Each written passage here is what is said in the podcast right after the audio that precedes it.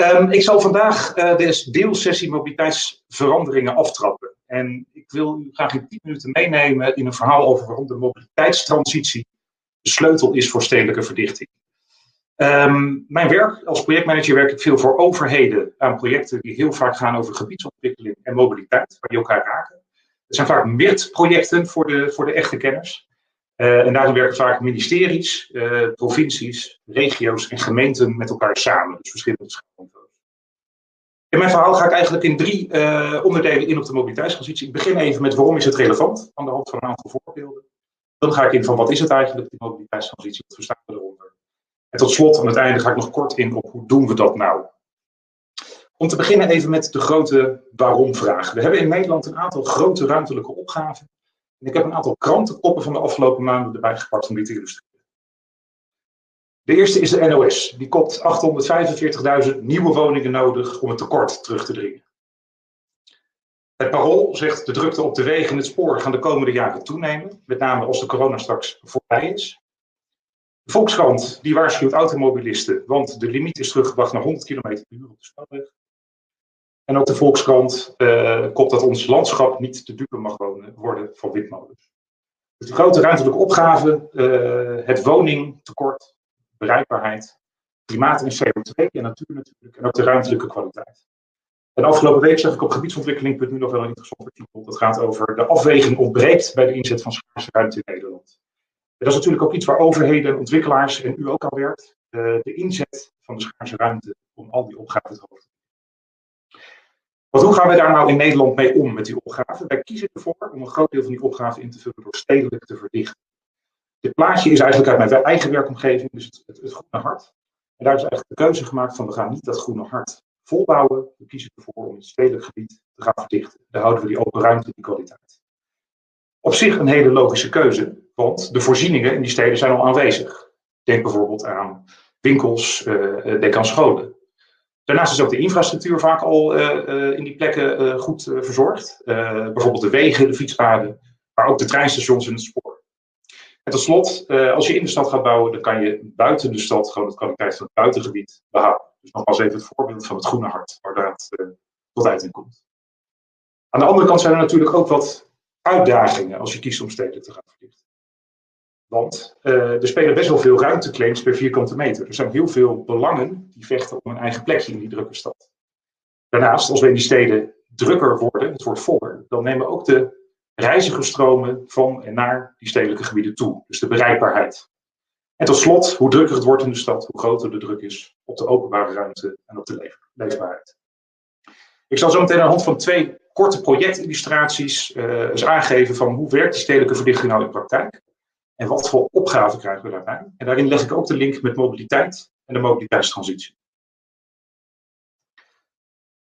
De projecten waar ik kort op inga. Um, allereerst het Central Innovation District en de Binkhorst. Uh, beter bekend eigenlijk gewoon als het centrumgebied van Den Haag. En het tweede project, de Amsterdam Bay Area. Misschien heeft enkele van u daar alles van gehoord. Dat gaat eigenlijk om het gebied van Amsterdam-Oost, dus Eiburg. Het gaat om Almere en dat gaat om het tussenliggende gebied, dus met name het Markenmeer en het IJmeer, waar verschillende opgaven spelen. Allereerst Den Haag. Wat is daar bedacht? Wat is de ambitie die daar is gesteld? Om bij te dragen aan het oplossen van het woningtekort is de ambitie geformuleerd om voor 2040 30.000 woningen en 30.000 arbeidsplaatsen toe te voegen. Ja, dat klinkt redelijk abstract, dit soort aantallen, maar even ter beeldvorming, dat is ongeveer een stad ter grootte van Middelburg aan aantal mensen toevoegen in het gebied op het plaatje wat we hier naast ons zien. Dus dat is een behoorlijke opgave waar je dan voor staat. En we hebben in het project ook eens gekeken van wat gebeurt er nu als je niet je mobiliteitsgedrag aanpast. Dus zonder transitie daarin. We gaan door zoals nu. En we hebben gekeken, we gaan dus met de huidige parkeernormen beschouwen hoeveel parkeerplekken we nodig hebben als we die aantallen woningen en arbeidsplaatsen toe gaan voegen. Dan kom je schrik niet op 172 voetbalvelden aan parkeerplaatsen. Ja, die hebben we voor de grap ook eens geprojecteerd op het plangebied. En het valt dan eigenlijk op dat er weinig ruimte voor verstedelijking meer over is. Want alles is nodig voor parkeren. Dus wat opvalt, is als we niet anders omgaan met mobiliteit, dat die auto's zoveel ruimte innemen, dat je eigenlijk de ruimte niet meer hebt om je ambities vorm te geven. Dus anders omgaan met mobiliteit is in Den Haag noodzakelijk. Dan pak ik een tweede voorbeeld erbij, de Amsterdam Bay Area. Ehm, die ambitie is niet tot 2040, maar tot 2050 gesteld. En daar is de ambitie om 100.000 woningen toe te voegen, 40.000 arbeidsplaatsen en ook een impuls te geven aan de natuur en de ecologie. En waar moet het dan gebeuren? In Amsterdam-Oost, maar ook in Almere. En het zal u opvallen, die bovenste punt als het ware, dat is nu nog een onontgonnen gebied. En dat is Almere Pampus en er wordt aan gedacht om dat te gaan verstedelijken. Dus in principe in Amsterdam B-area zou je zeggen, we hebben alle ruimte om te doen wat we willen. Daar speelt dus een andere opgave. Want als wij doorgaan met mobiliteit, op de huidige manier, zoals we het nu altijd hebben gedaan, dan is de bereikbaarheid een groot knelpunt. De eerste tien jaar tussen 20 en 2030 uh, is het groen. Dan is het allemaal nog te overzien en we kunnen de eerste 25.000 woningen bouwen.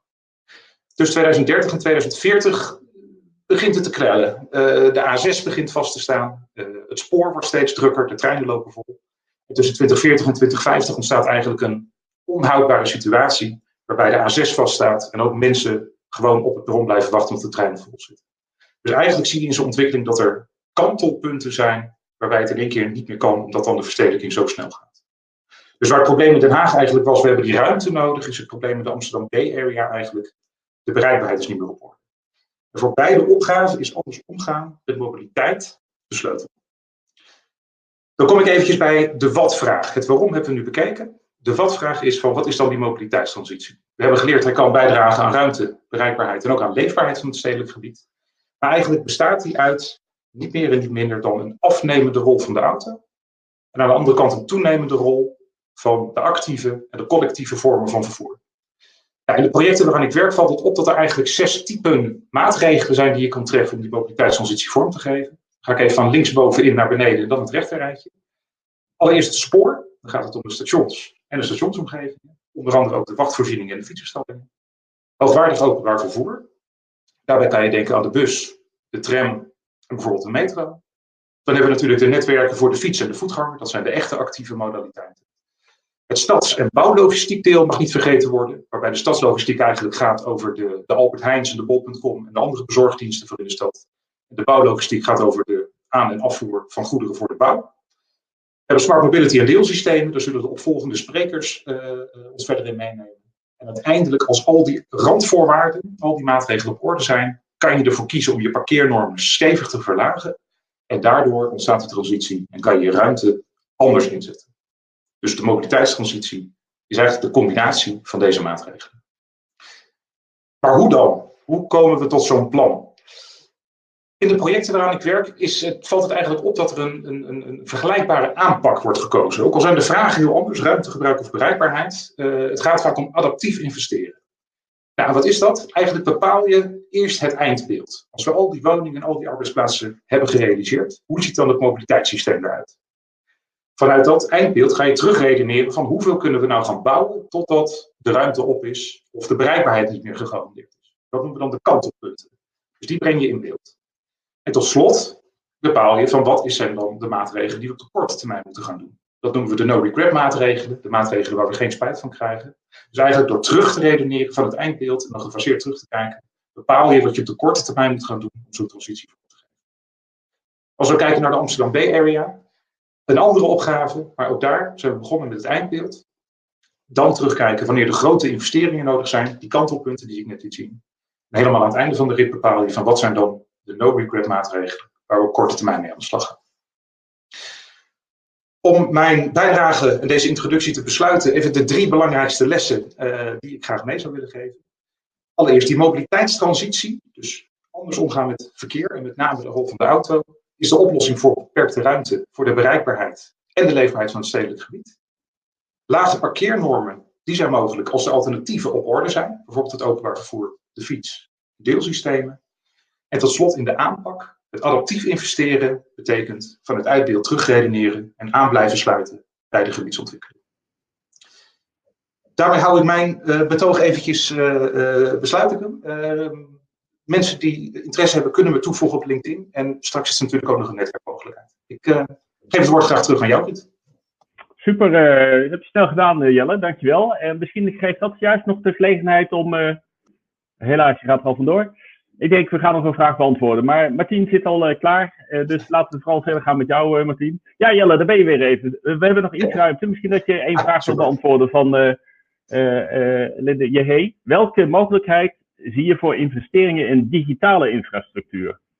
Zo, haar reactie is, zo kan bereikbaarheid worden bevorderd zonder dat mobiliteit toeneemt. Dat vind ik een hele terechte opmerking. Kijk, ehm, vaak wordt bij bereikbaarheid uh, gedacht aan fysieke investeringen. Dus we moeten infrastructuur aanleggen waar je naartoe kan gaan, die je kan gebruiken en waar je met je fiets overheen kan rijden of in kan stappen. Terwijl wat we nu bijvoorbeeld ook heel erg leren met, uh, met de corona, is juist werkgevers aanpakken, apps, digitale mogelijkheden, die zijn zeker hier een belangrijk onderdeel van. En wat mij betreft vallen die binnen het Smart Mobility deelsysteem kopje. Maar je zou er inderdaad voor kunnen kiezen om eigenlijk een zevende toe te voegen, waarbij je zegt niet de fysieke investeringen, maar de digitale investeringen. Dus ik vind dat een hele waardevolle toevoeging. Super, heel mooi. We zien jou straks nog terug, Jelle. Want wat ik ben vergeten te zeggen, ten eerste is dat ik Ruud Kuip heet en dat ik werk voor Platform 31 en nu de moderator ben van deze sessie. Maar ook dat Jelle straks nog een uitsmijter heeft over klantreis en mobiliteit. Maar daarover straks meer. We gaan uh, nu verder met Martien Das. Martien uh, werkt voor uh, Rijkswaterstaat. En Martien weet heel veel over deelmobiliteit en in het bijzonder deelauto's. Dus Martien, wat mij betreft, ga je gang. we zijn benieuwd wat jij ons te vertellen hebt. Ja, dankjewel. in de inleiding van Jelle kwam het inderdaad al langs hè, vanuit die urgenties van ruimte. als je in de stad wil ontwikkelen, dan is deelmobiliteit een deel van de mogelijke oplossingen. Um, sinds 2015 werk ik in opdracht van het ministerie van ENW aan uh, de opschaling van autodelen. Dus echt die verschuiving van uh, privé-autobezit uh, richting autodelen. Want hoe sneller dat autodelen groeit, hoe meer aanbod er komt in de wijken, hoe makkelijker weer die overstap wordt voor bewoners. Um, en daarbij is het denk ik ja, handig om even uh, stil te staan bij hoe ver zijn we dan op dit moment met autodelen in Nederland. Ik vond het ook heel interessant om net in de enquête te zien ja, wie er al auto deelt, maar vooral ook inderdaad dat de kans steeds groter is dat je iemand kent die auto deelt. Um, Eén keer per jaar uh, doen we een monitor en vorig jaar was de stand dat er 730.000 autodelers zijn die samen ruim 64.000 deelauto's delen. Um, nou, het is alweer bijna maart, dus we gaan binnenkort tellen. En ik ga ervan uit dat het uh, gewoon weer is verder gegroeid. We hebben vorig jaar al signalen gekregen van de aanbieders dat corona beslist geen rem heeft gezet op de groei van autodelen. Um, en op dit moment is dus ongeveer 6% van de rijbewijsbezitters autodeler. Um, het voordeel van die deelauto's is ook dat door die hogere bezettingsgraad, dat ze ook ja, dat dat wagenpark sneller verjongt. Uh, nu al is ruim 8% van de deelauto's elektrisch. Dus het levert ook op die manier een bijdrage aan de leefbaarheid van stad. zeker als daar in hoge dichtheden wordt ontwikkeld. En ook niet onbelangrijk voor die overstap. Autodelen is overal mogelijk. enige vorm van autodelen is in 100% van de gemeenten op het vasteland beschikbaar. Um, uh, nou ja, ik zal straks ook nog even laten zien hoe dat dan verschilt tussen hoogstedelijk gebied en het landelijke gebied. Um, ondertussen is het wel zo, moeten we ook constateren, dat uh, het autobezit per inwoner gemiddeld nog steeds licht uh, toeneemt. het effect van autodelen is dus eigenlijk minder meer. Hè? Het, het, zou anders nog harder gegroeid zijn, dat autobezit. Um, maar goed, vooral in de steden is ja, autodelen het meest kansrijk en daar groeit het dan ook het hardst. Um, ja, als je dan ook ziet uh, het aanbod per provincie, en daar kan je ook wel iets van stedelijkheid aan uh, koppelen natuurlijk, uh, zie je dat in ja, Noord-Holland, Zuid-Holland en Utrecht, dat je daar de meeste deelauto's ziet, gerekend per inwoner. En ja, we rekenen in de monitor vaak ja, naar het aanbod per inwoner, omdat dat ook iets zegt over ja, de nabijheid van deelauto's. Hè, hoe groot de kans is dat, dat, dat zo'n auto in de buurt te vinden is. Um, nou, het kwam in de eerste inleiding al een beetje aan de orde. Hè, van wat kunnen dan die effecten zijn van deelmobiliteit, of van autodelen om precies te zijn. Uh, nou, het vermindert dus die parkeerdruk. Dat is natuurlijk bij die hoogstedelijke ontwikkeling echt een heel belangrijke. En het kan inderdaad ook zorgen voor betere bereikbaarheid. Autodelers hebben minder gewoontegedrag. Hè, die zullen per, ja, per reis gaan overwegen wat kan ik het beste doen. De fiets, het openbaar vervoer of toch een keer de auto of een deel met de trein en een deelauto als natransport. En dat betekent dat je dus um, ja, daardoor, door het bewustere keuze, ja, netto veel minder autokilometers gaat maken. Als je eerst geen auto had, ga je logischerwijs wat meer kilometers maken. Maar als je eerst een auto had en die hebt weggedaan, of je hebt geen tweede auto aangeschaft, dan heeft het echt een effect op dat reisgedrag. Daarmee zorgt het dus ook voor CO2-reductie, wat dan voor het klimaatakkoord ook weer uh, van belang is. En ik noemde het al, het uh, zorgt voor een snellere verjonging van het wagenpark. Ja, heel praktisch. Het bespaart natuurlijk kosten. heel veel autobezitters zijn zich eigenlijk weinig bewust van ehm, ja, de totale kosten, inclusief afschrijving, die ze kwijt zijn aan het autobezit of tweede autobezit. Dus dat is voor een deel van de autodelers ook gewoon een belangrijke afweging. En um, vanuit oogpunt van circulaire economie um, is het ook positief. Want ja, uh, iedere auto die niet gekocht wordt, hoeft niet geproduceerd te worden. Als je nagaat dat een auto een kilootje of 1200 is gemiddeld, uh, ja, kan je voorstellen dat dat ook heel veel grondstoffen scheelt. Um, nou ja, het, het, werd natuurlijk al genoemd, hè? zeker bij die stedelijke uh, transformaties is natuurlijk heel veel druk op je ruimte. Hè. Je wil woningen bouwen, je wil groen, uh, je wil ruimte voor lopen en fietsen, voor wateropvang. Um, dus nou ja, als je op, door ja, een deel van de bewoners kan verleiden om over te stappen op autodelen in plaats van autobezit, ja, dan is dat voor de, ja, de inrichting van de ruimte wel um, een hele belangrijke. Het is natuurlijk wel belangrijk dat uh, de alternatieven op orde zijn. Hè? Dus je wil uh, dan wel zorgen dat voor bewoners de voorzieningen er nabij zijn. Hè? Dat kan voor alles zijn van ja, gewoon onderwijs, werk, maar ook de huisartsenpost, bij wijze van spreken. En dat het OV en lopen en fietsen gewoon ja, echt, echt goed ontwikkeld zijn en ook ja, meegroeien met de, groei van de bevolking in zo'n wijk. En uh, ja, wat ook helpt, en dat zie je nu ook een beetje gebeuren in het maatschappelijk debat, dat ja, juist in, in hoogstedelijk gebied het draagvlak ook toeneemt voor andere inrichting van de ruimte. het is niet meer in dat soort uh, hoogstedelijk gebied is de sociale norm voor autobezit aan het veranderen. Is het niet meer vanzelfsprekend dat je die auto hebt. En zijn er steeds meer mensen die uh, auto delen of daar ervaring mee hebben, of inderdaad anderen kennen die het al doen. Dus op die manier zie je die beweging echt uh, komen. En op het moment dat je gaat uh, ontwikkelen en daar deelmobiliteit aanbiedt in plaats van parkeerplaatsen, en je biedt huurders of kopers ook echt de keuze, opt-in of opt-out, dat je niet automatisch moet betalen voor een parkeerplek die je misschien helemaal niet gaat gebruiken. Ja, dat past ook echt in die nieuwe uh, behoeften uh, van uh, ja, jonge stedelijke bewoners starters. En, en dat past ook wel bij de, het kleiner worden van de huishoudens. Want ja, als je een één of twee persoons huishouden hebt, dan drukken die vaste lasten van zo'n autobezit natuurlijk ook harder. Nou, vanuit uh, het ministerie zijn we hier ook al een aantal jaar mee bezig om uh, ja, de, groei te versnellen en specifiek ook in nieuwbouwprojecten. daarvoor hebben we de City Deal elektrische deelmobiliteit, waar we ook echt um, ja, die leerervaringen opzoeken, dus tussen gemeenten en projectontwikkelaars, om kritisch te gaan kijken naar de parkeernormen.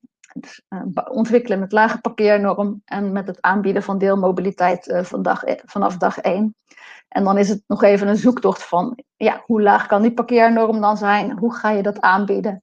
Uh, hoe zorg je dat potentiële kopers of huurders goed, ja, een goede voorlichting krijgen over die mogelijkheden, zodat je ook echt de doelgroep krijgt die past bij wat je aan het ontwikkelen bent.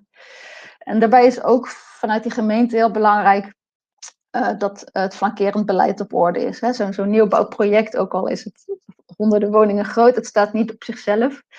Um, dus het is dan wel belangrijk dat ook in de wijk daaromheen, dat daar gereguleerd parkeren is. En zoals ik al noemde, dat, dat uh, de fietsinfrastructuur op orde is, dat het OV op orde is. Uh, zodat je ook echt een reëel alternatief hebt. En je moet goede afspraken maken met de ontwikkelaar waar die baten gaan landen. Het is natuurlijk fijn uh, als er minder parkeervoorzieningen hoeven te worden gebouwd. Dat scheelt heel veel kosten. Uh, maar hoe wordt die ruimte dan ingevuld? Hè? Uh, of krijgen de bewoners het terug in de vorm van een goedkoper huis? Of krijgen ze het terug in de vorm van hele mooie buitenruimte? Of kunnen ze parkeernorm afkopen door een bedrag in het mobiliteitsfonds te storten? Het zijn allemaal verschillende manieren om dat in onderling overleg op te lossen. Ehm, ja, dan even kort ook naar het ontwerp van zo'n wijk. Uh, ja, dan moet je eigenlijk op, op kleiner niveau ook gaan doen wat je in, op het niveau van die stad ook aan het doen bent. Dus zorg dat lopen en fietsen de default optie worden, dat dat dichtbij is en makkelijk en veilig, aantrekkelijk. Um, vervolgens uh, biedt die deelmobiliteit aan. Dat kunnen deelscooters zijn, deelfietsen, deel cargo bikes en deelauto's. En dan uh, die privéauto's uh, iets verder weg in een gebouwde parkeervoorziening of aan de rand van het project. Uh, natuurlijk met uitzondering van mensen met beperkingen of voor laden en lossen. Um, nou, zorg dat in de vroege fase bewoners echt goed worden voorgelicht. We zien af en toe ook projecten waar dat blijkbaar niet goed is gegaan en waar mensen die woning hebben gekocht en er dan pas achter komen dat ze geen parkeervergunning kunnen krijgen ja, dat is natuurlijk uh, ja, onwenselijk. Je wil wel dat mensen weten waar ze aan beginnen en dat ze juist zo'n autoluurproject als een meerwaarde zien. Um, en um, je moet het ook uh, goed gaan monitoren en handhaven. Dus ga uh, ja, achteraf, als het is opgeleverd, ook kijken van nou, hoe worden die deelauto's gebruikt? Hoe worden de parkeerplekken die wel zijn gebouwd gebruikt? Um, niet alleen kijken, is het te krap, maar kijk ook, is het te ruim? Hè? Zijn er misschien toch uit, uh, meer parkeerplekken uh, gebouwd dan eigenlijk nodig was? Want dan weet je ook voor een volgend project um, ja, dat misschien nog op een andere manier kan. Hè, dus bouw een ventiel in. En een ventiel is dus niet alleen de ene kant uit uh, reserve uh, ruimte inbouwen voor extra parkeerplaatsen, maar kan dus ook andersom zijn.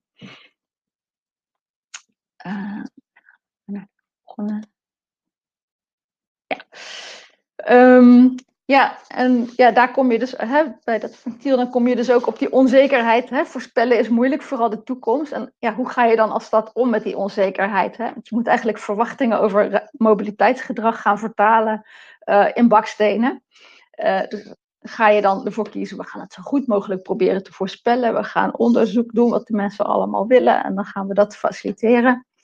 Of uh, hebben we als stad een visie op de ontwikkelingen die we willen in mobiliteit? Dan neem je die als startpunt en ga je daarop sturen in je mobiliteitsbeleid en in je stedelijk ontwerp. Um, en daarvoor uh, ben ik heel benieuwd naar het verhaal van uh, Leon, die hierna verder gaat. Dankjewel. Oké. Okay. Dankjewel. Uh, een helder verhaal. Je hebt echt wel wat losgemaakt bij de mensen. Je mag nog even blijven hangen als je wil. Want uh, ik krijg wat vragen over uh, bijvoorbeeld de politiek. Is het niet vooral uh, leuk, al dat beleid en dat we dat verzinnen, maar moet de politiek niet gewoon eens een keer les hebben om daadwerkelijk wat aan die deelmobiliteit te doen? Kun je daar wat over vertellen? Wordt dat dan ja. Ja, nee, zeker is het een politieke keuze. En uh, ja, dat zal denk ik in het volgende verhaal ook wel uh, terugkomen. Het gaat denk ik vooral ook om uh, oog te hebben voor de verschillende belangen van je inwoners. Um, ja, mensen uh, hebben vaak de neiging om uh, ja, in te spreken als ze het ergens niet mee eens zijn.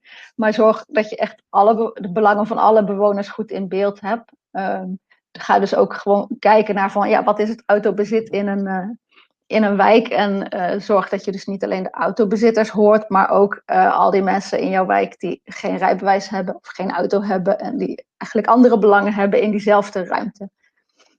En ja. nou ja, op basis daarvan kan je dus als, als bestuurder of als gemeenteraad uh, ja, een afgewogen, afgewogen oordeel uh, maken. Oké, okay, en heb je dan een, een voorbeeld, uh, want Martin Triedel zegt al van wat, wat zou dan de parkeernorm moeten zijn? Stel dat je, dat je heel erg op die deelmobiliteit wil inzetten, 0,2, 0,4 of misschien wel 0? Uh, ja, nou ja, een, een, klein beetje parkeernorm heb je altijd nodig voor uh, mensen met een beperking. Um, maar ja, als, als al die randvoorwaarden op orde zijn, zoals ik ze net schetste, hè, dus uh, het hele mobiliteitssysteem van die stad beweegt die kant uit richting fietsen, richting OV en de voorzieningen zijn nabij, ja, dan kan je best wel ver gaan. Hè. In Utrecht, Merwede, Kanaalzone zitten ze geloof ik op 0,3, schud ik even uit mijn mouw. Daar kan Leon misschien straks nog op ingaan. Um, maar ja, het is natuurlijk, je gaat uh, zo'n parkeernorm bepalen eigenlijk ja, voor een project wat over een aantal jaren pas wordt opgeleverd.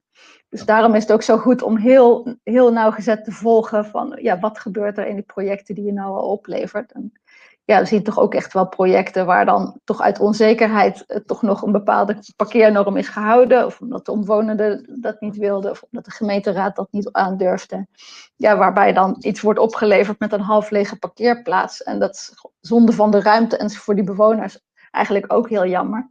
Dus als je parkeerplekken aanlegt, leg ze dan ook op zo'n manier aan dat ze ja, redelijk makkelijk nog omgezet kunnen worden in groene ruimte of in ehm, eh, extra fietsparkeerplaatsen. Dus een parkeerdek is heel lastig te transformeren, maar ja, op het moment dat het anders wordt ingericht, eh, probeer eigenlijk in het ontwerp al na te denken of je die parkeerplekken ook nog uh, anders zou kunnen inrichten. Oké, ik denk dat het goed is voor nu. Er staan nog een paar vragen, met name over hoe ga je dan om met werkgerelateerde mobiliteit, auto's, busjes van aannemers, van werknemers die in zo'n gebied wonen. Laten we dat uh, even uh, stallen tot bij de dialoog zometeen. Uh, wat wij nu gaan doen is even een breakout sessie. Wat we hebben gemerkt is dat veel deelnemers ook even met elkaar willen sparren van hoe, hoe zie je dit nou, wat, wat vind je nou van. de breakout sessie, misschien heeft u het in de vorige sessie al gemerkt, u wordt automatisch in groepjes ingedeeld. Ik heb geprobeerd rond de vier personen per groepje in te delen. En eigenlijk hebben we maar één vraag nu. Wat is jullie suggestie om het gebruik van deelauto's, zowel vraag als aanbod, bij stedelijke transformatie te stimuleren. Ik geef u een minuut of eh, drie en daarna uh, kom ik bij u terug. Ik ga nu uh, de breakout starten. Mocht het niet lukken, geef vooral heel even op de chat. Misschien kunnen we wat betekenen, misschien kunnen we niks betekenen, maar dan gaan we ons best doen. Bij deze.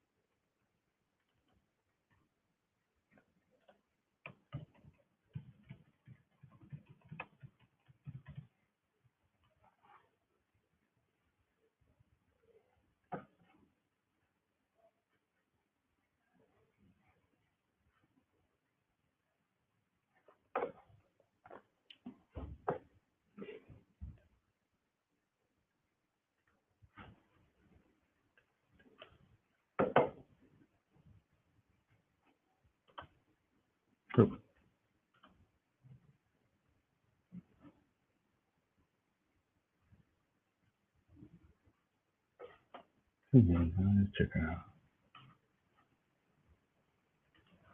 Hey.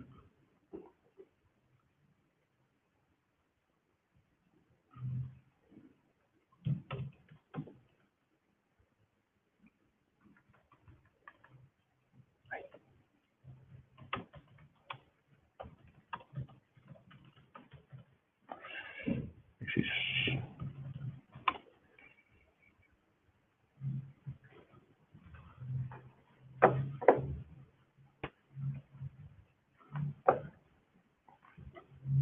Goed, um, richting afsluiten. Ja. Dat is die. Laten we naar de breakout gaan. Nog 30 seconden.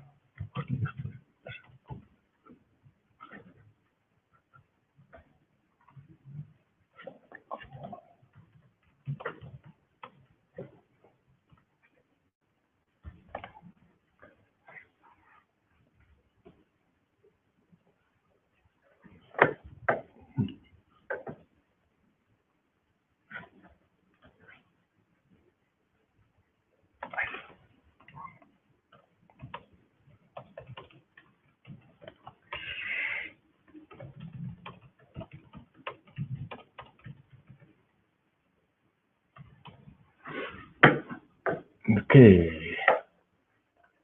Stop breakouts.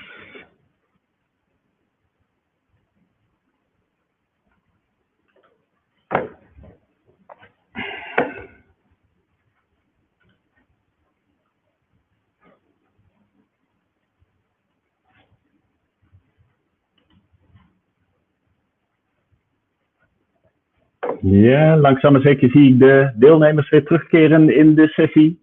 We zijn zeer benieuwd wat jullie aan uh, suggesties hebben en laat die alsjeblieft uh, achter in de chat. We hebben al wat reacties gekregen en uh, het zou leuk zijn als we die zo meteen in de dialoog met de sprekers kunnen behandelen. Of daar op zijn minst op terug kunnen komen. Um, ik stel voor dat we doorgaan naar de volgende en vanop de laatste spreker. We hebben het te maken met Leon Peters, adviseur mobiliteit bij gemeente Utrecht. Leon gaat ons meenemen op lokaal niveau. Kijk, daar is Leon. Leon gaat ons op lokaal niveau meenemen van hoe gaat gemeente Utrecht daar om met die hele mobiliteitsverandering, deelmobiliteit, met name ook in nieuwe ontwikkelingen en beleid. En Leon, ik denk, kijk nog even naar de chat. Volgens mij is iedereen ongeveer terug. Dus wat mij betreft gaan we jou het woord geven. Excuus, ik moest was even afgeleid naar de chat. Ehm, succes met je verhaal en straks gewoon weer bij terug. Dankjewel. Hierbij Leon. Dankjewel Ruud. Ik ga jullie allemaal meenemen naar Utrecht. Een hartstikke mooie stad met ook grote uitdagingen. ook op het gebied van mobiliteit. En, de mobiliteit is natuurlijk een afgeleide van een, een stad die er is, maar, maar die ook ontzettend hard groeit. Uh, tot, 20, uh, tot 2040 verwachten we een groei van ongeveer een aan van 100.000 inwoners. maar inderdaad allemaal gefaciliteerd in 60.000 woningen. En, en daarbovenop nog 85.000 banen. Nou, dat is een grote opgave, hoge ambities. Uh, ja, en, en hoe werken we daar uh, va vandaag de dag eigenlijk aan? En, daar wil ik jullie meenemen aan de hand van drie pro projecten. Om aan het eind ook nog even eigenlijk u mee, mee, te nemen in, in hoe we dat beleidsmatig, ja, hoe we daar in het beleid mee omgaan. het eerste pro project stond ook al in, in een eerdere deelsessie, zag ik. Uh, maar dat is de Cartesius driehoek. Maar dat is een ontwikkeling en die behelst ongeveer 2800 woningen plus overig programma. en en als we dat op een reguliere manier zouden de ontwikkeling met, ja, maar met iedereen een eigen auto en dat zou betekenen dat uh, dit deel van de stad zou vastlopen. Uh, en dus we hebben gekeken van, maar wat kan er aan extra autoverkeer bij zonder dat de stad vastloopt? En, en daar kwam een getal uit. En, en dat hebben we eigenlijk als hard uitgangspunt genomen voor de ontwikkeling van deze wijk. En aan de andere kant hebben we ook een, verstedelijking, een verstedelijkingsopgave. Dus we hadden ook een beeld bij van, ja, maar wat kan het gebied qua woningbouw en overig programma erbij hebben. Ja, maar dat bleek ongeveer 2800 woningen te zijn. Uh, ja, en één op één matchen met eigenlijk het oude mobiliteitsgedrag. gedrag. ja, maar die som die kwam niet uit. en ook vanuit een visie van ja, maar we willen de stad op een gezonde wijze ontwikkelen. En, en een auto biedt naast heel veel gebruikersgemak, ja, maar dan is die ook een sta in de weg. maar dan is wel ruimtelijk gezien, maar, maar ook qua uitstoot. Dus we zetten als stad in vooral op lopen, fietsen en openbaar vervoer. En we willen er ook voor zorgen dat al, alle voorzieningen na, nabij zijn. nou, maar dat, dat moet ook gaan landen in dit stukje nieuwe stad. Dus we zijn eigenlijk op zoek gegaan naar van ja, maar hoe krijgen we het dan op, een manier georganiseerd dat mensen wel mo mo mobiel zijn, uh, maar wat minder afhankelijk van de auto. En dat heeft geleid tot, tot, tot eigenlijk het toepassen van een lagere parkeernorm. Ja, maar, maar dat dat kan. Doordat de fietsen en de OV-verbindingen naar het stukje stad gewoon goed, goed zijn. En die worden nog verder versterkt. maar dan onder andere door een nieuwe fiets- en voetgangersverbinding onder het spoor door. Maar waardoor de verbinding met het centrum ook een stuk verbeterd wordt. Daarnaast wordt er ook deel, deel en deelmobiliteit actief eigenlijk aangeboden. maar onder aan 175 deelauto's. en wat verder kan groeien naar ongeveer 350. dit deelfietsen, uh, een, een, aanbod voor het gebruik van het openbaar vervoer. En dat wordt allemaal ontsloten middels een MAAS-app, uh, maar een Mobility as a Service uh, app. maar wat specifiek ook in dit gebied ingezet gaat worden. en een kennismakingsabonnement voor de, voor de nieuwe bewoners en gebruikers van dit gebied. ja, maar dat allemaal om er ook voor te zorgen dat dat ja, maar dat mensen voor een eerste mobiliteitsbehoefte niet direct zijn aangesproken op een eigen auto. Dus we bieden de mensen heel veel alternatieven. En daarnaast bieden we ook gewoon minder ruimte voor de auto. Een ander voorbeeld, ik denk voor de meeste ook van jullie wel bekend, is de Merwede kanaalzone. En daar is de opgave om, om, in, uh, om in de eerste twee fases 6000 woningen te realiseren. Maar dat ook gemixt met voorzieningen in het gebied en, en nog wat werkfuncties. eigenlijk zetten we daar ook heel erg in op, op, op het aanbieden van, van deelmobiliteit. maar dan door voor te zorgen dat er alternatieven op orde zijn. maar dan waaronder het openbaar vervoer en goede fiets- en loopverbindingen. Eh, maar een aantal bruggen zijn dan ook onderdeel van de ontwikkeling. Maar die eigenlijk de verbinding slaan ja, maar met de omliggende buurten. Maar wat daarnaast nog is, maar dat, dan, dat een deel van de parkeerbehoefte die wordt op afstand opgelost. Dus niet in het gebied zelf, maar, maar echt buiten het gebied, maar dan ook niet binnen loopafstand. En dat is eigenlijk om, om de gebruikers te faciliteren die, die nu nog een auto hebben, maar die ook meenemen, maar waarvoor in het gebied geen plek is. Of tegen een la lage tarif elders dan kwijt kan. en ook als onderdeel van de ontwikkeling is, is, is eigenlijk de oprichting van een mobiliteitsbedrijf, uh, maar, dat in de vorm van een PPS-constructie. Daarnaast, hè, maar wat bied je de omliggende buurten dan? Want, je ontwikkelt daar een gro grote buurt naast. Na, naast dat het meer geuring, maar de andere ook als drukte wordt gezien. Uh, maar dan biedt het ook de kans om, om de kwaliteit van de openbare ruimte in die omliggende buurten, ja, maar om, om daar ook een slag in te slaan. Naast dat we die bruggen leggen, ja, maar, maar die brug die landt dan ook ergens aan. ja, maar, en hoe kun je die routes van, van en naar de brug dan verbeteren? Dus het heeft ook positieve effecten, juist voor de omliggende buurten. wat daarmee ook wel samenhangt, en, en ja, dat kwam net ook in het verhaal van Mar Martien al naar boven. en, dit soort ambitieuze mobiliteitsconcepten werkt alleen als je, ja, maar, maar als je in de omliggende buurten ook gereguleerd parkeren uh, in, invoert. maar dat ligt vaak gevoelig, maar zowel in de buurten, maar ook politiek gezien. Maar het is wel een essentieel uitgangspunt of eigenlijk een randvoorwaarde voor dergelijke mobiliteitsconcepten. En, en ja, maar, dan, maar dan, daarom zijn ze ook een integraal onderdeel eigenlijk van de planontwikkeling, maar ook uh, van de bestuurlijke besluitvorming. Uh, maar we hebben ook andere pro projecten in Utrecht uh, die ook inzetten of een, een vorm van deelmobiliteit aanbieden, maar, maar niet in betaald parkeergebied.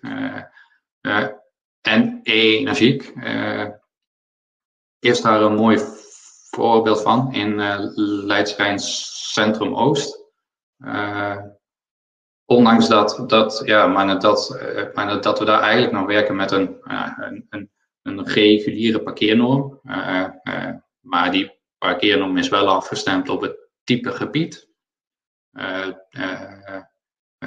maar houdt geen rekening met in voor betaald parkeren. Dus de, liggen de parkeernormen uh, gewoon wat ho hoger dan, dan in de voorgaande gebieden.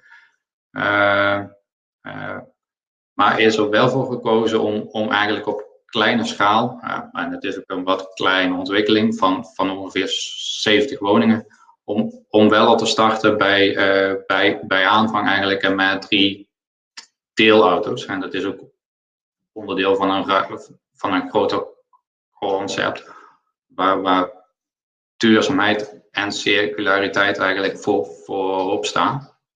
Uh, en bij de start zijn er drie deelauto's beschikbaar en ik meen ook drie, uh, drie deelfietsen. En dat kan worden opgeschaald na, naarmate uh, er meer vraag, vraag ontstaat.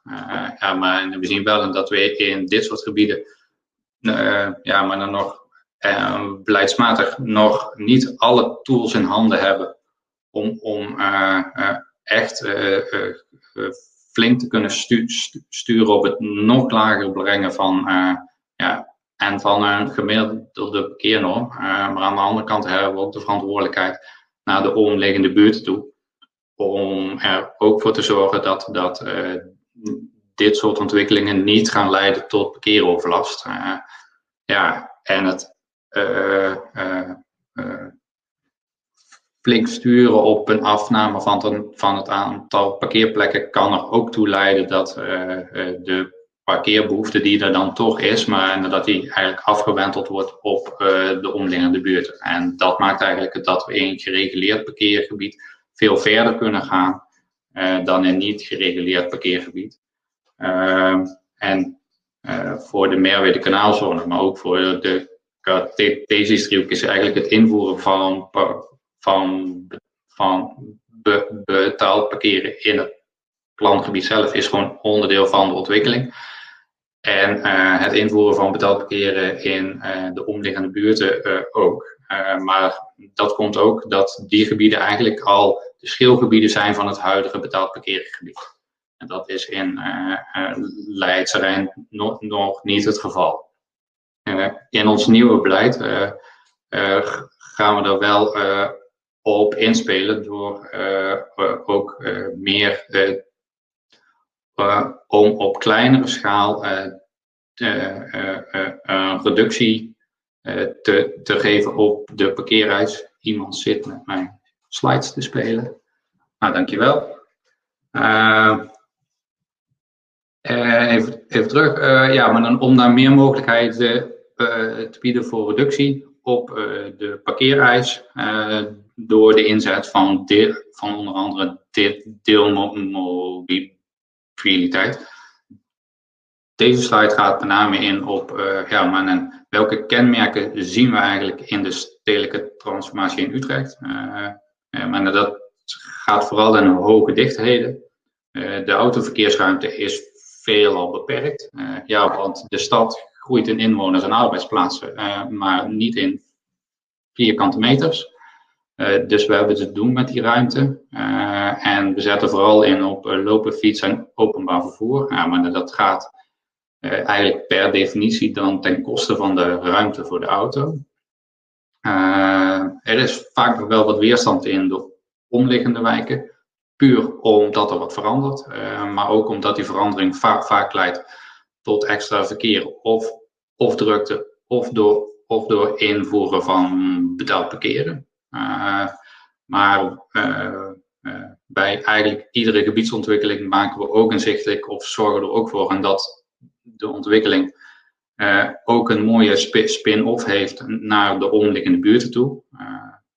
Daarnaast is er een brede steun in de gemeenteraad om op een, op een duurzame manier te ontwikkelen met ook een bijbehorende mobiliteitstransitie. Maar we zien ook dat eigenlijk in iedere ontwikkeling maar naar sprake is van een stapeling van ambities. En, die grijpen heel mooi in elkaar in, maar hebben ook aan het einde natuurlijk een prijskaartje. Dat maakt het niet altijd even makkelijk en noopt ook wel eens gewoon tot keuzes maken.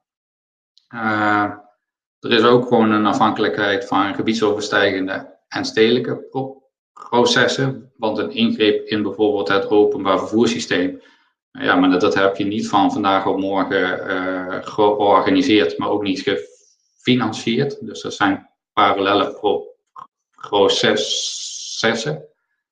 Uh, de eigendomssituatie kan ook complex zijn.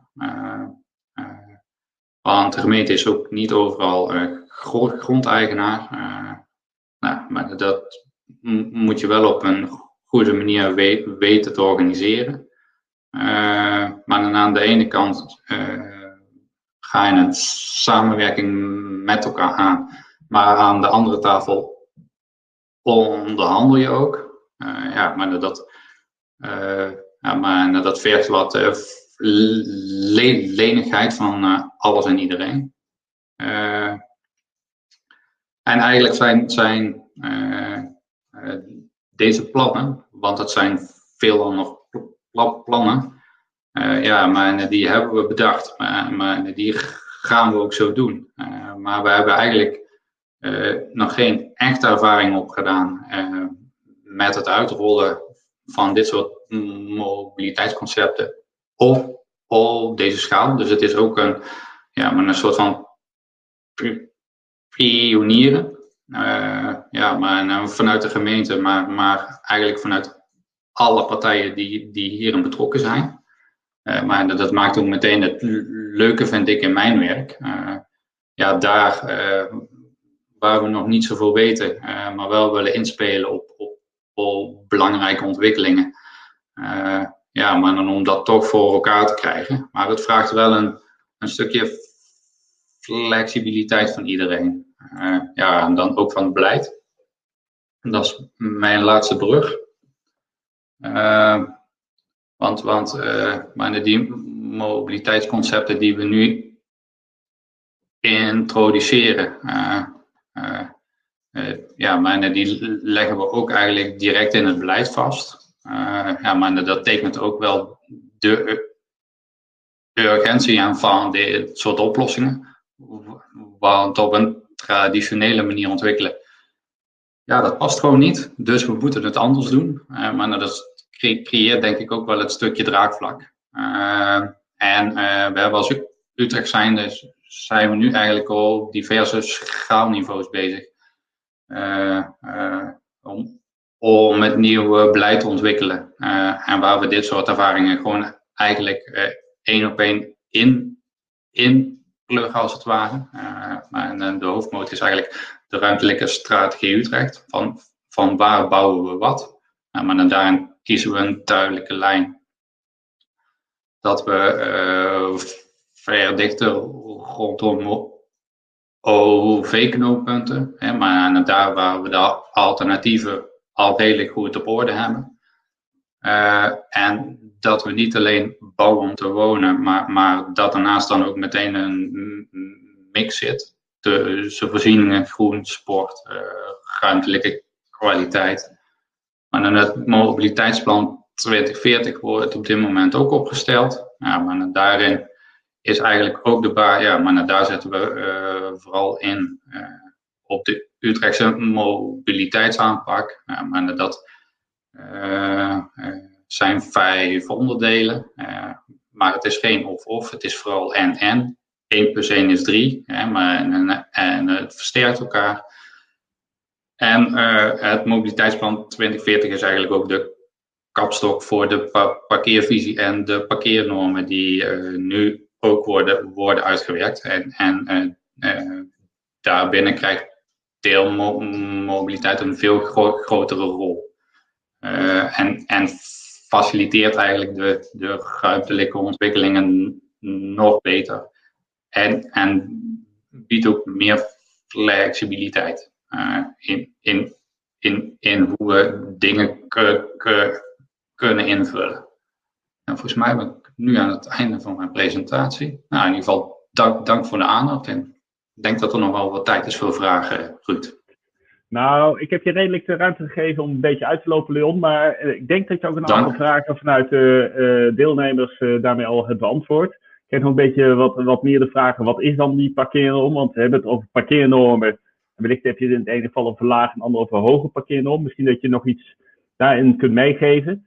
Uh, en anders zou ik de andere uh, twee sprekers ook willen uitnodigen nog even uh, erbij te komen. Want misschien dat we nog een andere vraag kunnen beantwoorden. Misschien dat jij in de tussentijd even nog iets over die parkeernorm hebben. Daar echt getallen van. kun je daar iets in delen? Misschien nog. We hebben een hele tabel met getallen, uh, maar wat, uh, hoe wij ermee omgaan is maar dat we de parkeernorm eigenlijk gewoon als een basisuitgangspunt nemen van wat is de mobiliteitsbehoeften van een gebied. En daarna gaan kijken van hoe kunnen we dat dan invullen. Een stukje eigen auto, een stukje deelauto, een stukje fiets. En, en die deelauto, die fiets, uh, Maas, het parkeren op afstand, dat levert een reductie op op de basis parkeernorm. Dus wij verlagen niet zozeer de norm, nee, en we nemen de norm als uitgangspunt en gaan dan ge gebiedspecifiek kijken van hoeveel minder kan dat dan en op welke manier kan dat dan worden ingevuld. Oké, dankjewel uh, Leon. Volgens mij moet uh, gezien de tijd, uh, ben ik toch echt wel heel erg nieuwsgierig naar die uitsmijter van onze grote vriend Jelle. Jelle, mag ik jou het, woord geven om de zaal nog eventjes een lekker uitsmijter te geven bij deze? Zeker, top. Dankjewel Ruud en ook Martina Leon voor jullie bijdrage. Ik gebruik deze laatste vijf minuten om nog even een andere blik op waar we het vandaag over hebben toe te voegen. Want we hebben nu met name gekeken vanuit de blik van de overheid, vanuit de ontwikkelaar.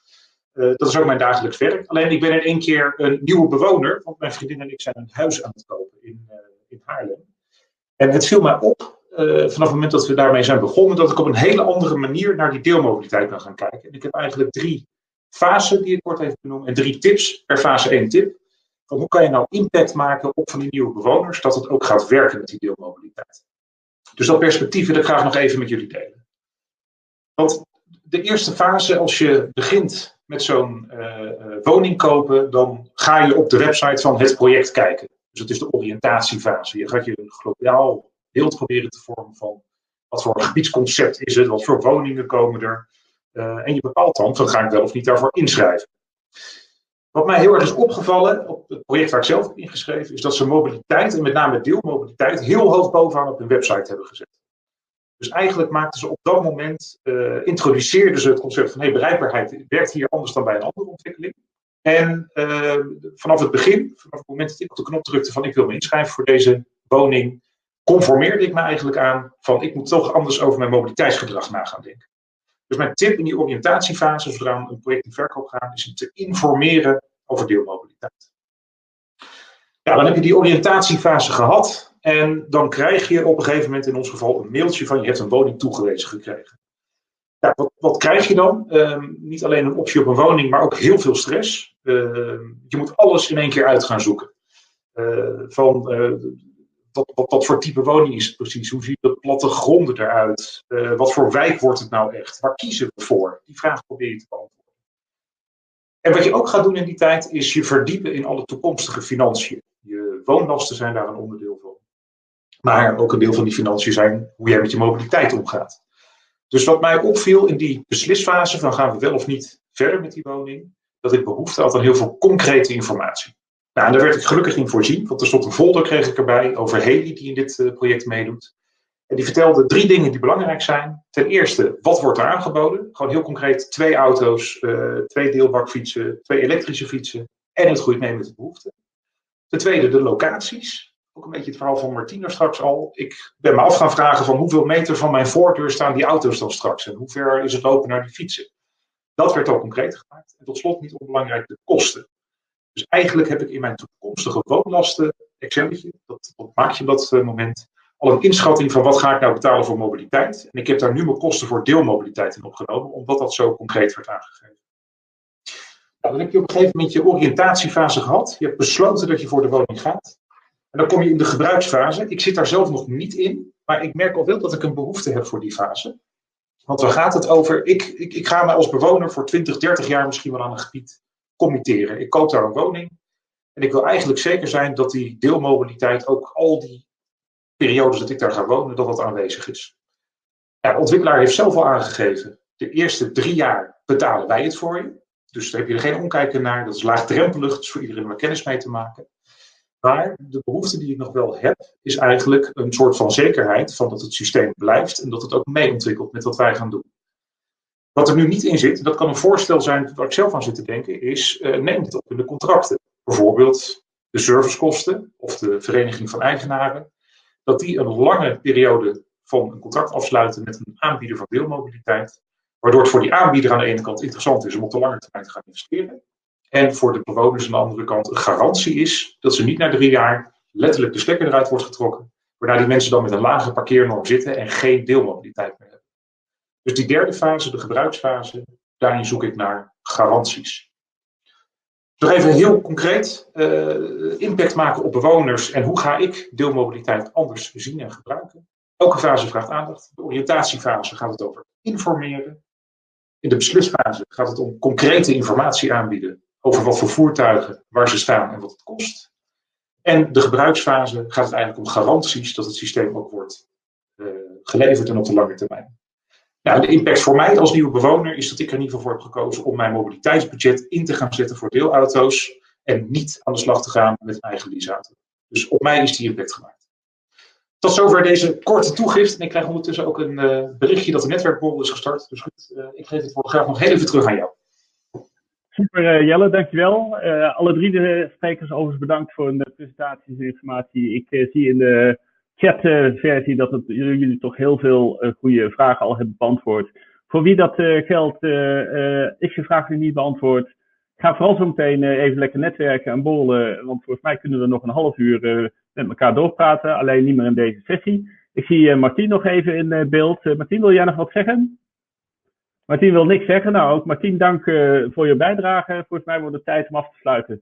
Jullie kunnen afsluiten, zoals jullie weten, in het, uh, met het vakje links. Uh, dan verlaat je deze sessie.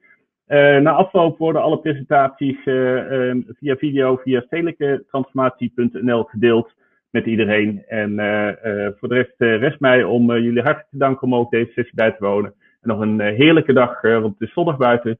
Wellicht kun je nog even lekker wandelen straks en alvast een heerlijk weekend wensen. Dank voor jullie deelname, dank voor jullie komst. Tot ziens. Dag.